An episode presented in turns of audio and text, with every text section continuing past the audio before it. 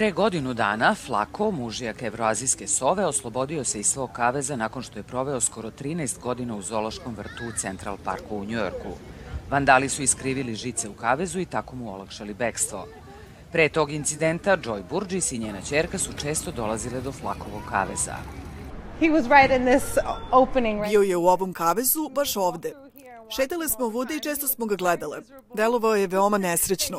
A onda smo jednog dana došle i on je pobegao. Leto je svuda po gradu. And he was just flying around the city.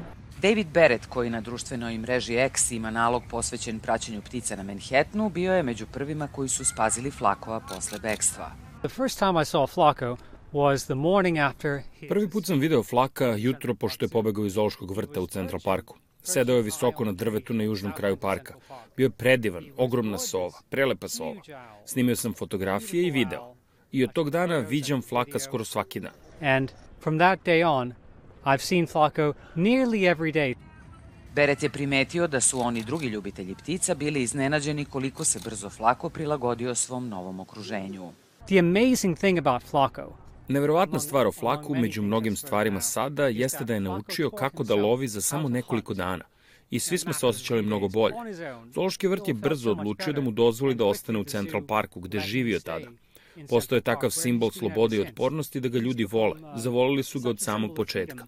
Dok su neki pozdravili Flakovo bekstvo iz Ovrta, stručnjaci su sve više brinuli za sovu na slobodi. Da li sam bio srećan što je pobegao i bio slobodan? Ne, zapravo nisam. To je neiskusna ptica koja u osnovi ništa ne zna o svetu oko sebe. Kada sam čuo vesti o tome, pomislio sam, nadam se da je ptica u redu, jer ima mnogo toga što može da se dogodi u nepoznatom okruženju. I nemaju sve priče srećan kraj.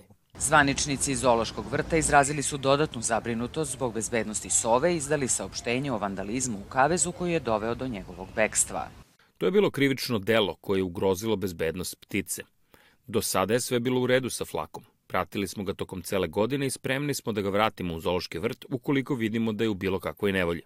Trenutno Flako ne pokazuje nikakve naznake da mu treba pomoć.